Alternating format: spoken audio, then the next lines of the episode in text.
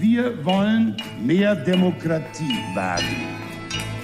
Heute sehen wir uns die CDU an, auch ein bisschen SPD und ein bisschen AfD, aber primär sehen wir uns die CDU, die CDU, die CDU.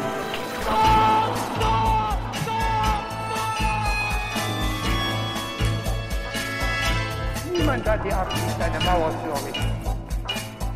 Ich weiß, ich habe heute Morgen in den Spiegel geguckt und dachte, wer ist denn die Hotte Bitch? Werden schon in wenigen Jahren blühende Landschaften, blühende Landschaften geworden sein. Früher waren wir Lametta. Wir haben so vieles geschafft, wir schaffen das. Herzlich willkommen til Tyskerne, episode 90. I studio Ingrid Brekke og Kai Schwind. I dag skal vi snakke om Bild-Zeitung, Tysklands største og mest omstridte avis. Deretter tar vi en snartur innom, innom østerriksk politikk. Kansler Sebastian Kurz er nemlig i hardt vær. I ordspalten, der blir det flere skandaler. For Kai, du har sett litt nærmere på en helt fersk bok om Bild-Zeitung. Men først må vi jo se litt på bakgrunnen eh, for denne avisa. Ja, det må vi kanskje. Bild-Zeitung er jo avisen som sikkert alle våre lyttere har sett i butikker eller kiosker når de har reist til Tyskland. Rødt, firkantet logo med hvite bokstaver og store, gjerne litt skrikende overskrifter. Dette er altså Tysklands store tabloidavis, eh, et sted mellom norske VG og britiske The Sun, kanskje, med tanke på innhold, eh, men også da journalistisk metode. Og bladet har polarisert den tyske offentligheten i snart 70 år. De blir 70 neste år, spennende. Uh, har du et uh, forhold til Bild, Ingrid? Husker du når du først oppdager den? Ja, nei, det er klart jeg har et forhold til Bild. Det må man jo ha når man har jobba som eh, journalist i Tyskland. Det må man kanskje, ja. Og jeg, eh, jeg har kanskje et litt mer eh, positivt forhold til Bilt enn mange. Fordi mm -hmm. da jeg var helt uh, fersk i gamet, så gikk jeg av og til til Bilt for å forstå en sak. Fordi disse store avisene som vi jo elsker, som Dit Zeit og Frankfurter Allgemeine og sånn, de tar det ofte for gitt at man har fulgt med eh, på en sak i lang, lang tid. Ja. Så det er ikke så mye sånn faktarammer og hjelp leseren alltid får. Så da gikk jeg til Bildzeitung for å få kortversjon og komme meg inn i komplekse ting, da. Eh, og dessuten så er jo Bildzeitung en avis som eh, av og til kommer med eh, avslørende nyhetssaker om regjering, f.eks. Om, om politikk.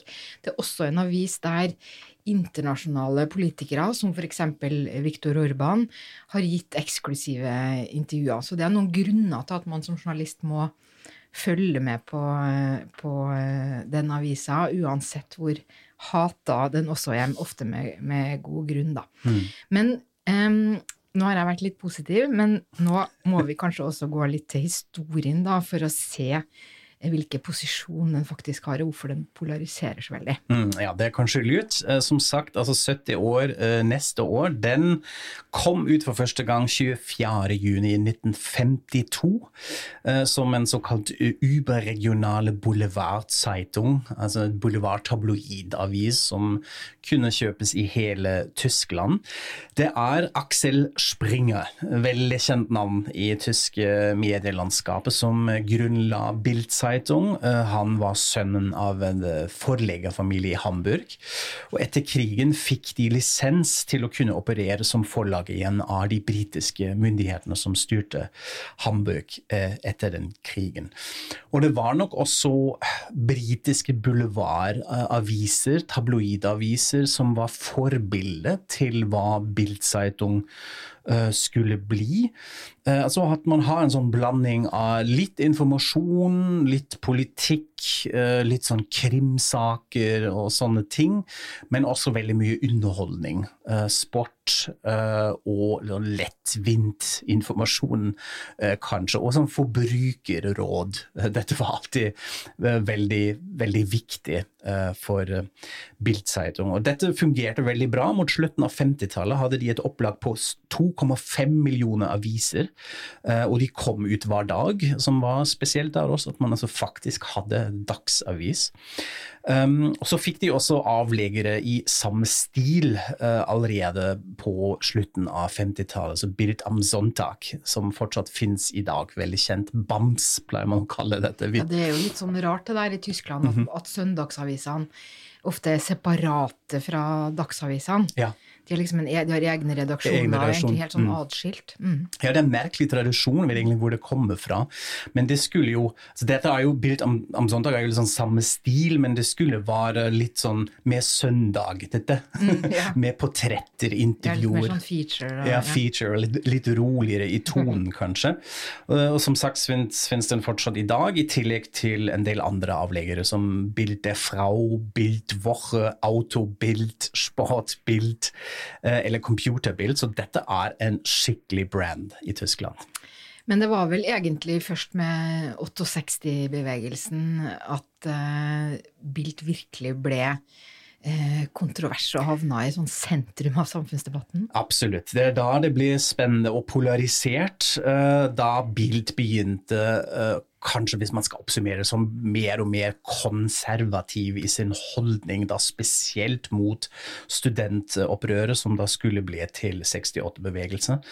Og da var det spesielt eh, da Rudi Dutschke, eh, studentopprørlederen eh, i 1968, ble skudd og skadet, at det virkelig ble bråk. Fordi det var mange, mange studenter og også folk fra venstresiden og andre politiske aktører som mente Bild hadde bidratt til den polariseringen som til slutt ble voldelig. De hadde hissa opp stemninga. Ja, de hadde hissa opp De hadde tatt side. De har jo kalt eh, studenter for fascister, og så de har vært skikkelig eh, ordbruk i de overskriftene og sånt. Eh, og det førte ikke bare til debatt, men også til konkrete demonstrasjoner og voldshendelser. Så man prøvde å storme forlagshuset i Hamburg, tente på eh, utleveringsbiler til, eh, til Bildzeitung. eh, og i München gikk man til og med inn i redaksjonene, noen studenter, og ødela uh, ting uh, osv. Så, videre, og så, videre. så det var, ble skikkelig bråk. Og det fortsatte jo inn i 70-tallet. Da var det jo også terrororganisasjonen RAF som angrep redaksjonen i Hamburg eh, med en bombe, faktisk. Eh, og 17 medarbeidere av Bild Zeitung blir skadet. Eh, så dette var heavy, og var en sånn første et første tegn kanskje for at Bild Zeitung var ikke kanskje en vanlig avis som alle andre, men at dette her var sterke meninger med også sterke reaksjoner. Men etter denne krisen uh, på 70-tallet så fortsatte de med denne blandingen, den interne blandingen av litt sånn underholdning, facts and fiction, politikk osv. Og, så og så kom det også en del sex inn i bildet, som sikkert førte til at uh, opplaget gikk opp over fire millioner aviser etter hvert. Det er den berømte og ganske farlige halvnakne dame på førstesiden, Die Mieze von Seite 1, som man kalte dette. Uh, som også ble et sånn kjennetegn uh, for, for Bildzeitung. Så uh, de ble kanskje den største og mest innflytelsesrike avis, men det var også der at man begynte å se her er det med tanke på presseetikk, kildevern, ikke alltid at ting er på plass. Her ble folk hengt ut, kilder avslørt, folk ble betalt for å si ting osv. som kom frem mer og mer. Uh, men da også gikk inn i, uh, ja, i populærkulturen, kanskje med en veldig kjent bok, nemlig fra Heinrich Bøll, som i 1974 ga ut uh, novellen 'De forlorne ære' der Katarina Blom. Ja, den uh, boka den var pensum for meg på videregående Ja. skole. Vi leste den. Okay. Den gjorde voldsomt sterk uh, inntrykk, selvfølgelig. Mm -hmm. men den som kanskje virkelig Det var jo en roman, men det Ja. som virkelig avslørte Bilt på 70-tallet, det var jo den berømte journalisten Günter Wallraff. Ja. Han gikk nemlig undercover. Utga seg for å være Hans Esser, en lokalreporter for Bildzeitung i Hannover. Og Eh, etter det så kom han med en, ikke bare én bok, men tre. En trilogi som eh, har blitt kalt for Antibild-trilogien. og der viser han nettopp dette som du var inne på, den enorme mangelen på presseetikk.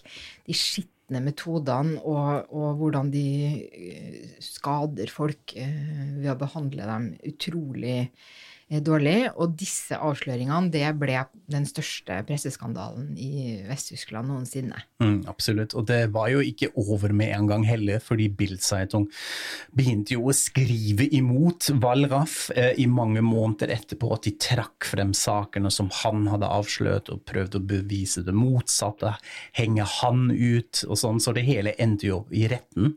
Eh, gikk, pågikk i mange år til eh, Gunther Wallraff vant til slutt, og Bildzeitung måtte, måtte gi seg.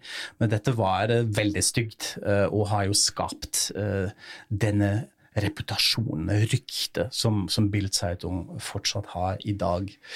Så er det en del andre ting som de har tilført det norske medielandskapet eh, gjennom tidene, som har for det meste blitt eh, veldig diskutert. Jeg tenker da spesielt eh, på da de innførte en såkalte Bild-leserreporter i 2006, hvor de altså oppfordret sine lesere til å ta snapshots, bilder med mobiltelefonene sine. Borgerjournalistikk, som det kan kalles på fint. ja, okay. Det er mye finere sagt enn det, det dette for det meste var. fordi det Bildzeitung ville, var jo ok, hvis det skjer en ulykke og dere er på plass, eh, ta gjerne noen bilder av dette, send til oss, så får dere betalt for dette. Eller hvis man ser en full kjendis i en restaurant som gjør noe pinlig, ta, kjør på, ta bilder, send det inn til oss. Uh, og det fungerer veldig bra til i dag. Eh, det er fortsatt eh, i bruk, og dette blir selvfølgelig diskutert eh, veldig mye. I, to, i to, 2012 så eh, klarte de ikke lenger å ikke henge med i, i tiden og måtte sånn fjerne denne halvnakne dame fra første siden, i hvert fall. Men den ble bare pusha litt lenger inn i avisen. Ja, og finnes på nettet. På nettet, ja. Vi har jo researcha litt. Da fant vi disse nakne damer på bild.de også. Så det fins fortsatt, men man har kanskje tatt de eh, bort fra førstesiden, som eh, også mange eh, eh, kommentatorene mener er fortsatt hovedsalgsargumentet til Bildzeitung. Det som skjer på førstesiden, de overskriftene, det bildematerialet som presenteres da, er avgjørende eh, hvorvidt eh, den blir solgt eller ikke.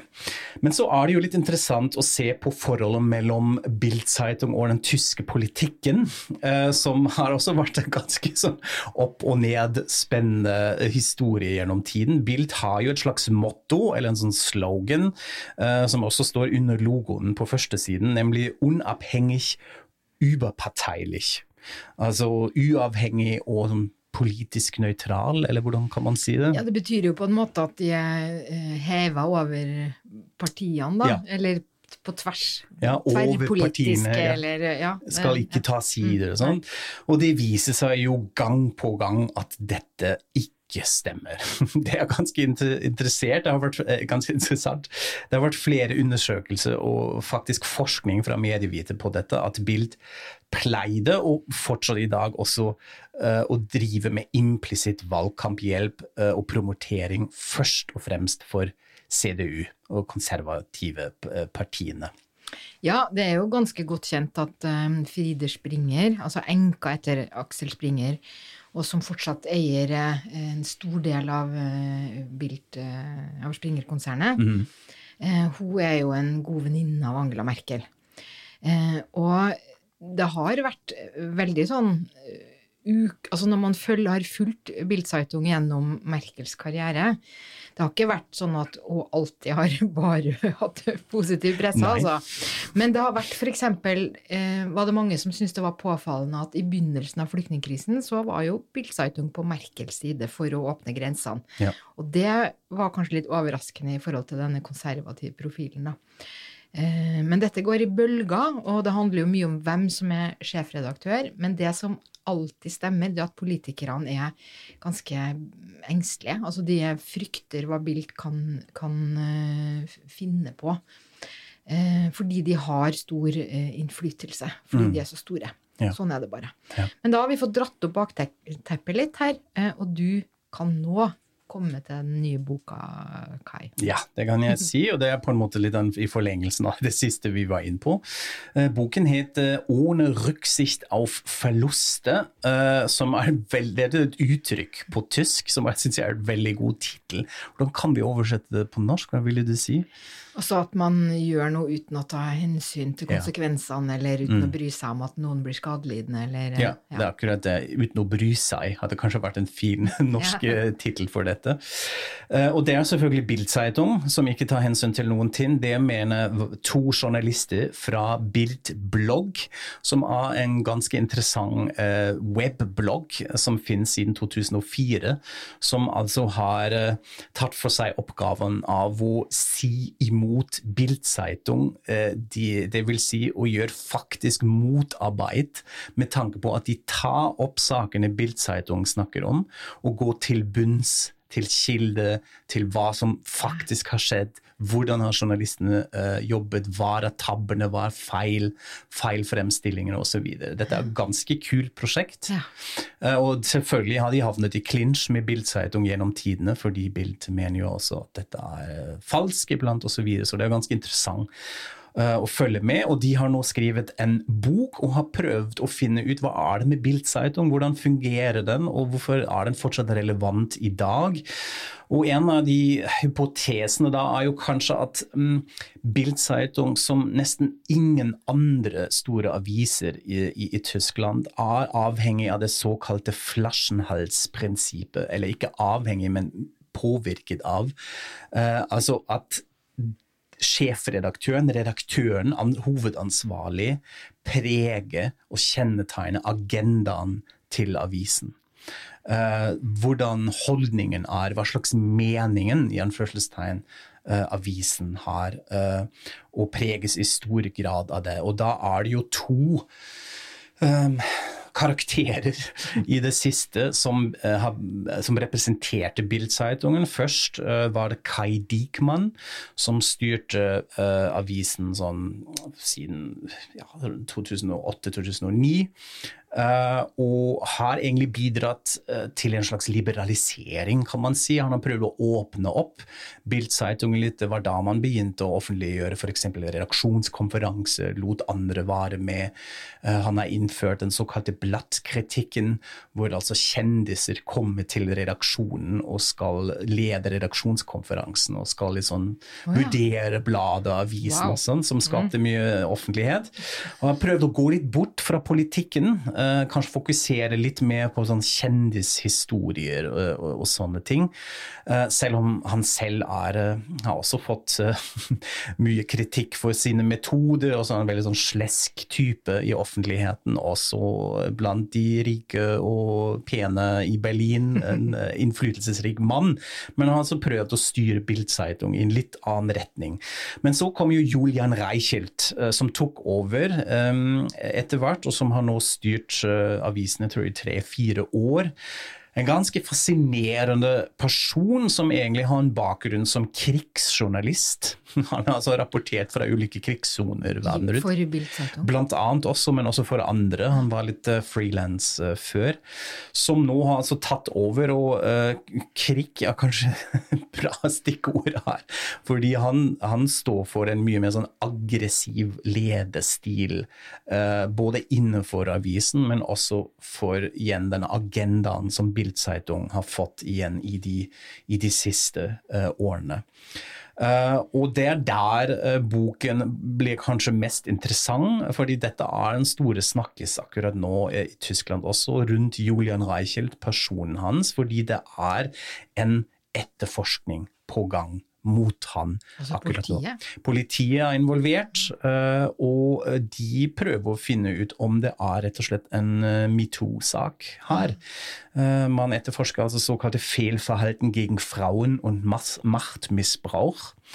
Eh, han skal ha hatt intime relasjoner til eh, unge kvinnelige medarbeidere, og, er også utøver voldsomt press mot en del andre som har bidratt til, eh, til avisen. Det har kommet veldig, noen veldig rare saker ut av det. En ganske kjent forfatter, Benjamin von Stuckerat Barre, som har jobbet som journalist for Bildzeitung også kom ut med en slags rar hevntekst mot Julian Reichelt etterpå, um, som uh, også inkluderte en del av disse antydninger og avsløringene, hvor man tenkte ok, her har det skjedd mye i kulissene som ikke uh, Som var et slags skittent spill uh, som nå sakte dras inn i offentligheten. Så dette er ganske, ganske spennende å følge med, og det avgjørende er jo hvorvidt Aksel Springer forlaget står nå ved siden av, eller støtte Reichelt eller ikke. Da ja. er det en person som heter Mathias Døpfne akkurat nå, som har vært ute i offentligheten og sagt vi støtter Reichelt, og det er et skittent spill her, og uh, vi står ved ham. Men i de siste ukene har det blitt litt stille, og det er mange nå som kommenterer og lurer på at kanskje støtten ryker, og at uh, de siste dagene til, Bild, til Reichelt, ikke til Bildt, men til Reichelt er, er nær. Så dette blir veldig spennende, og det er også det som boka går inn på. Det siste som, som, boka påpeker, som også er interessant for oss her å nevne, er kanskje at Bildzeitung, selv om um, avis, altså trykt avisopplag har gått ned voldsomt, så er de jo i ferd med å bygge en slags online imperium. Bild.de, hvor vi har vært og sett på nakne damer, Ingrid. Det går jo veldig bra. Men så skal de nå også lansere en uh, egen TV-kanal snart. Uh, og de har begynt med å sende TV-sendinger, uh, også med en ganske tydelig politisk profil. Da er det f.eks. Uh, et eh, format som heter De richtigen Fragen, eh, som eh, sendes søndag kveld. akkurat på samme tid når Anne Will er på TV på ARD. Altså det store, ah, det store talkshow talkshow, som vi liker. Ja. Som mange tolker som et slags uh, kapringsforsøk. Altså det å ta bort scener fra Anne Will, fordi, som du selv sa, mange toppolitikere er med i disse sendinger til Bild Zeitung, uh, som stiller opp. Sigmar Gabriel har jeg sett, Wolfgang Schäuble, mange andre. Uh, som, ja, som viser jo ok, her er det et forsøk å prøve å komme komme Det går rett i strupen. Rett i strupen, ja. Så det er dette som blir, blir veldig spennende. Også selvfølgelig hvordan forholdet nå mellom Bildzeitung og de kanslerkandidatene blir. Ja. Anna-Lena Bebok har jeg registrert får uh, stygg gjennomgang uh, i Bildzeitung. Da hun ble kritisert og latterliggjort og uh, angrepet. de har ikke tatt side, det er ikke sånn at de liksom snakker for Laschet nå, jeg har ikke sett det. Men de er jo i hvert fall ikke fan Arnelina Bebok. Så det blir spennende å følge med hva Bildseitung gjør. Jeg har lyst, hvis vi har tid, og vi har jo tid fordi det er vår podkast, vi kan gjøre hva vi vil, ja.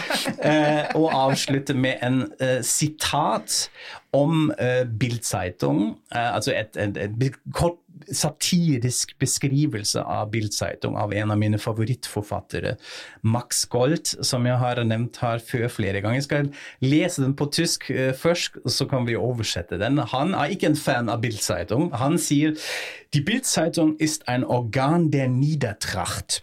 Es ist falsch, sie zu lesen. Jemand, der zu dieser Zeitung beiträgt, ist gesellschaftlich absolut inakzeptabel. Es wäre verfehlt, zu einem ihrer Redakteure freundlich oder auch nur höflich zu sein. Man muss so unfreundlich zu ihnen sein, wie es das Gesetz gerade noch zulässt. Es sind schlechte Menschen, die Falsches tun. Vil du lese den norske oversettelsen? Ja, ja, det må jeg si. Ja, altså, Bildzeitung er et uh, neder drektig organ, kan man kanskje si. Det er feil uh, å lese den. Alle som bidrar til denne avisen, er totalt sosialt uakseptable. Det ville være en feil å være snill, eller til og med høflig, mot noen av deres eh, journalister. Du må være så frekk mot dem som loven tillater. De er dårlige mennesker som gjør gale ting. Da skal vi gå fra en skandalavis til en pågående politisk skandalesak, nemlig Østerrike. Kansler Sebastian Kurz er under etterforskning av statsadvokaten. Han er anmeldt av opposisjonen for å ha løyet til parlamentet. Saken har tre års strafferamme, og det er første gang en østerriksk kansler etterforskes mens han fortsatt sitter i stillingen. Dette er heavige saker. Eh, Hva er bakgrunnen for dette, Ingrid? Ja, altså jeg vil jo tro at en del av våre lyttere kan huske tilbake til den såkalte Ibiza-skandalen eh, for to år siden. Da ble daværende eh, visekansler Strache, som representerte FPØ, altså det, det høyrepopulistiske partiet, som da satt i regjering sammen med Kurz og hans konservative, Stracha han ble filma på Ibiza, hemmelig, da han trodde at han snakka med noen som var niesa til en russisk oligark. En niese med mange millioner, eh, mange hundre millioner faktisk, euro i lomma. Ja.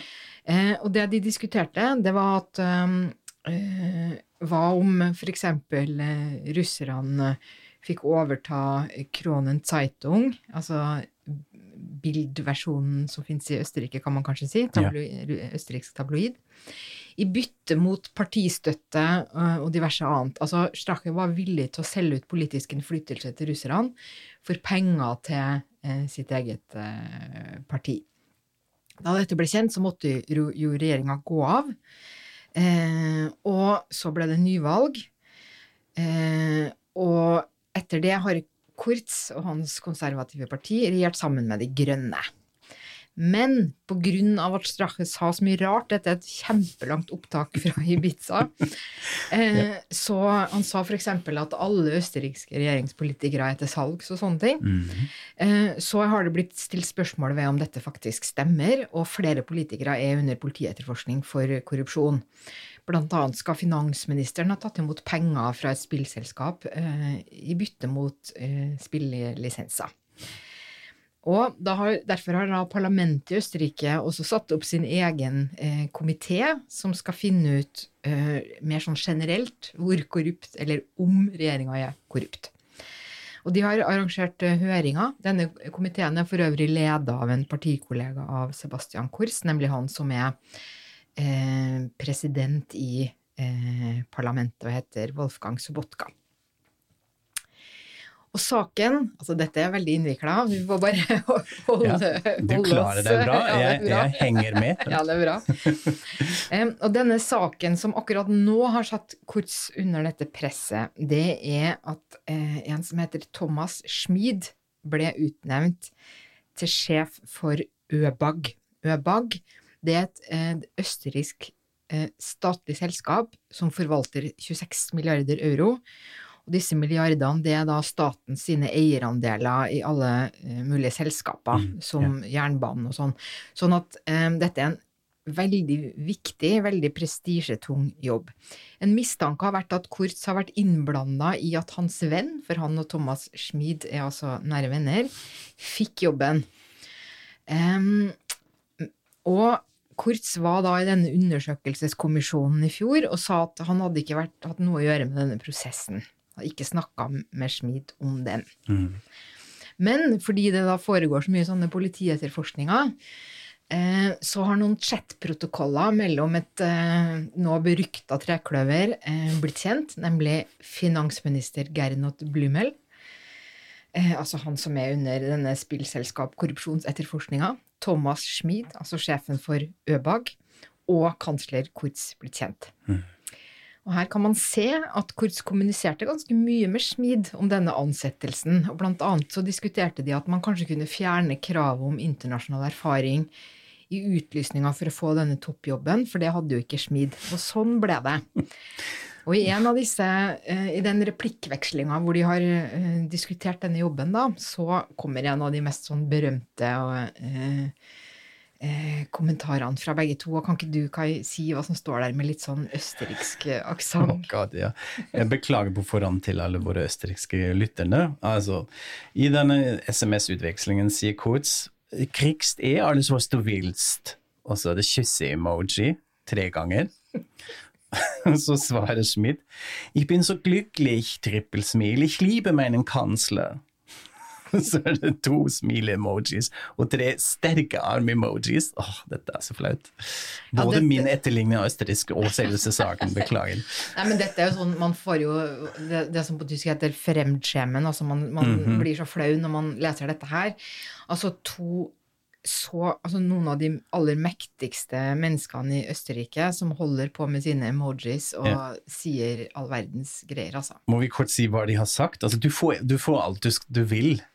Ja, å, jeg er så lykkelig, jeg elsker min kansler. Liksom. Det, det Ja, var eh, sånn snakker de med hverandre. Så det eh, er, eh, det er da den pinlige sannheten, at sånn holder Kurz og vennene hans på. Mm. Eh, og da dette ble kjent, så anmeldte jo da opposisjonen Kurz for å ha løye når han, i- for parlamentet da han sa at han ikke hadde diskutert dette med Schmid eh, på forhånd. Og strafferamma er tre år, og stats, eller Riksadvokaten tar det så alvorlig at han etterforskes. Eh, Kurz derimot sier at han slett ikke har løye, og han ser ikke noen grunn til å eh, trekke seg. Og jeg så nettopp eh, eh, tidligere tyske utenriksministeren eh, Sigmar Gabriel eh, kommentere dette i et talkshow på tysk TV. At dette ville vært fullstendig utenkelig i Tyskland. At en minister, eller for ikke å snakke om en kansler, blir satt under etterforskning og ikke går av. Mm. Men det han reagerte mest på, det var likevel det at Kurz svarer med å mistenkeliggjøre riksadvokatembetet. Altså at han eh, hevder at justismyndighetene i i Østerrike har politiske motiver. Mm, og dette er jo faktisk litt skummelt. Altså, dette er jo, kan jo være litt sånne autoritære tendenser her, eh, i hvert fall oppførselen til Kurz. Så hva skjer, kan han bli sittende, eller? Det er jo vanskelig. Altså, han sier jo at, eh, det, at han vil bli sittende, eh, men og, og når man ser på Det virker ikke som Altså, det er, helt, det er så rart å snakke om det, fordi at det føles helt surrealistisk. Mm. og det sier også noe om hvordan den politiske kulturen har vært i Østerrike, i Østerrike i veldig, veldig mange år. Og så kom jo Kurz og sa at han skulle gjøre alt annerledes. Altså nå skulle det bli slutt på sånn eh, Ja, og sånn. kamerat-tjenester Mm. ja, og korrupsjon og alt dette her, som har ridd den østerrikske politikken som et mareritt, ikke sant. Mm. Nå blir det nye tider. Og så ser man at nei, det blir det nok ikke, det er akkurat som før. Og det er nok en forklaring på at fordi man er så vant til dette, på en måte, at, at stemninga ikke er hardere. Eh, meningsmåling viser at 58% mener at han eh, må gå av dersom det kommer en anklage, altså at han blir trukket for retten. Jeg syns det er et utrolig lavt Ja. tall. Eh, men det handler nok også om at det politiske trykket er ganske lavt, eh, fordi at hva skulle nå komme i stedet? Altså, eh, det er ingen grunn til å tro at et nyvalg ville gi noe spesielt annet valgresultat. Nå har jo eh, Kurz brukt opp eh, høyrepopulistene, det var jo den forrige regjeringa. Nå har han vært med De grønne. Det finnes ikke noe eh, annen flertallsregjeringskonstellasjon Ja. som man har noe spesielt tro på. En mulighet kunne kanskje være sånn teknokratregjering. De hadde jo det mellom de to Kurz-regjeringene, så var det jo en sånn administrasjonsregjering eh, som man for så vidt var ganske fornøyd med. Så vi får bare se. Det kan jo ta flere måneder nå da, før det kommer noe svar på om det blir en anklage eller ikke, men det vil jo være helt utrolig hvis man skulle altså ha en sittende kansler som samtidig møter i retten. An, auf, hinter, in, neben, über, runter, fortzischen. Ja, jeg fikk bare lyst til å snakke litt mer om Bilt, jeg, da. Så Så da blir det litt ordspalte med overskrifter. Ja. Eh, For det er jo en avis man betrakter med sånn skrekkblanda fryd. De har jo titler som eh, vi andre bare kan drømme om, for å si det sånn. Og en eh, berømt og berykta tittel, det er da 'Ofo sekte vil jetzt Hitler-klonen. Altså Ufo-sekt vil klone Hitler fra 2001. 2001. Der klarte de å slå ganske mange fluer i en smekk, syns jeg. Ja. Hitler, OFO, kloning, alt Ja, det er helt det er kjempebra. Em, og den har jeg jo jeg har funnet det på den Bildblogg, som har lagd et eget innslag uh, bare med titler som handler om ufo og romskip. Altså det er kjempemange sånne ufo-titler opp gjennom uh, historien. Og der fant jeg også det neste gullkornet. Uh, als 16-jährige eh, kolon hat Goethe ein Raumschiff gesehen. Som 16-åring har Goethe, så Goethe et eh, romskip, og det syns jeg også var sånn hvor, I hvilket annet land kunne man liksom kobla Ja. nasjonaldikteren? Goethe på en sånn mulig da Noe om, om Goethe må være med. Kanskje det har inspirert de unge Werte. eh, hvem vet. Ja, dette er veldig morsomt. Vi anbefaler den listen til alle som, som leser tysk. Men det er jo sånn generelt sett også interessant hvordan disse bildoverskriftene har preget det tyske språket eh, har skapt en del uttrykk eh, til og med, og da tenker jeg f.eks. Uh, på Wir sind Papst i 2005, når kardinal Ratzinger ble til Benedikt den 16., og overskriften var altså 'Vi er pave'! utropstegn. Og dette har jeg hørt mange si, ikke bare dette med paven, men også at man bruker 'wir sind' eh, noe annet som man kan bruke. Dette er jo litt inspirert av 'Wir sind Weltmeister', som også var en sånn veldig kjent bildtittel i 1990 og uh, ja, når det sist var. Uh, så man har egentlig, man trekker nesten en sånn fotballanalogi, ne- nesten som det var en Ja. konkurranse. Man har liksom. Vi har pavestolen. vunnet- Vi har vunnet pavestolen. Så det er mange av disse overskriftene som har eh, som har egentlig underholdt folket, og man vet jo også fra bildjournalister at dette er et slags konkurranse intern i avisen. Hvem kommer med den kuleste, kanskje mest crazy overskriften som virkelig går inn i, i folkets språk? Eh, Det, har funnet eh, noen andre eksempler her som, som ikke har noe med ufo og Hitler å gjøre, men uh, eksempel Wir fordern Mallorca soll Deutsch werden. Da spiller de litt for eh, publikummet sitt som leser Bildzeitung på Mallorca. Altså, vi krever Mallorca burde være tysk. Um, eller en annen favoritt, lottozahlen immer bløde. Altså, lottotallene blir dummere. Ja, de blir dummere. Det, okay. det, vi er ikke fornøyd med det. De blir, de blir dummere. Men jeg så på denne lista som du Ja. hadde funnet fram her, og da er det én tittel jeg bare ikke skjønner noe av, som du må forklare. Litti vutti klinsi, bom, bom, bom. Det, Per? Ja, dette er så høy, høy journalistikk her. Litt i vorti klinsi, bom, bom, bom. Dette er en fos, fotballreferanse. Ah, Eh, jeg er litt usikker hvem Litti er. Hvor, um, er jo Jørgen Klinsmann. Uh, jeg vet ikke om det refererer til Pierre Litbaski, en fotballspiller. Og Vutti kommer jeg ikke på nå heller. Det må dere lytte inn. Men dette er altså fot, en fotballreferanse, og bom, bom, bom eh, viser at de har scora eller sånt. De er veldig kjent for det sine er en fotball. feiring av Det er en disse feiring, tre. en seiersfeiring. De er veldig kjent for, eh, for sine fotballoverskrifter. Um, haben har, nur vi noe annet liegt Ja, den jeg også. Kannibale wünscht sich Bockwurst zu Weihnachten. Ja, den var fin. Kannibaler ønsker seg eh, bockwurst, altså pølse, til jul. Ja, veldig bra. Eller macht Harry Potter schwul? Ja, det er et godt spørsmål. Kan du, kan du bli homofil av å i det tilfellet var det se Harry Potter-filmene? Veldig fine ting. Google dette. Kanskje vi kan lenke også til, til noe av de listene her. Her er det mange gullkorn eh, å finne med, med Bildzeitung.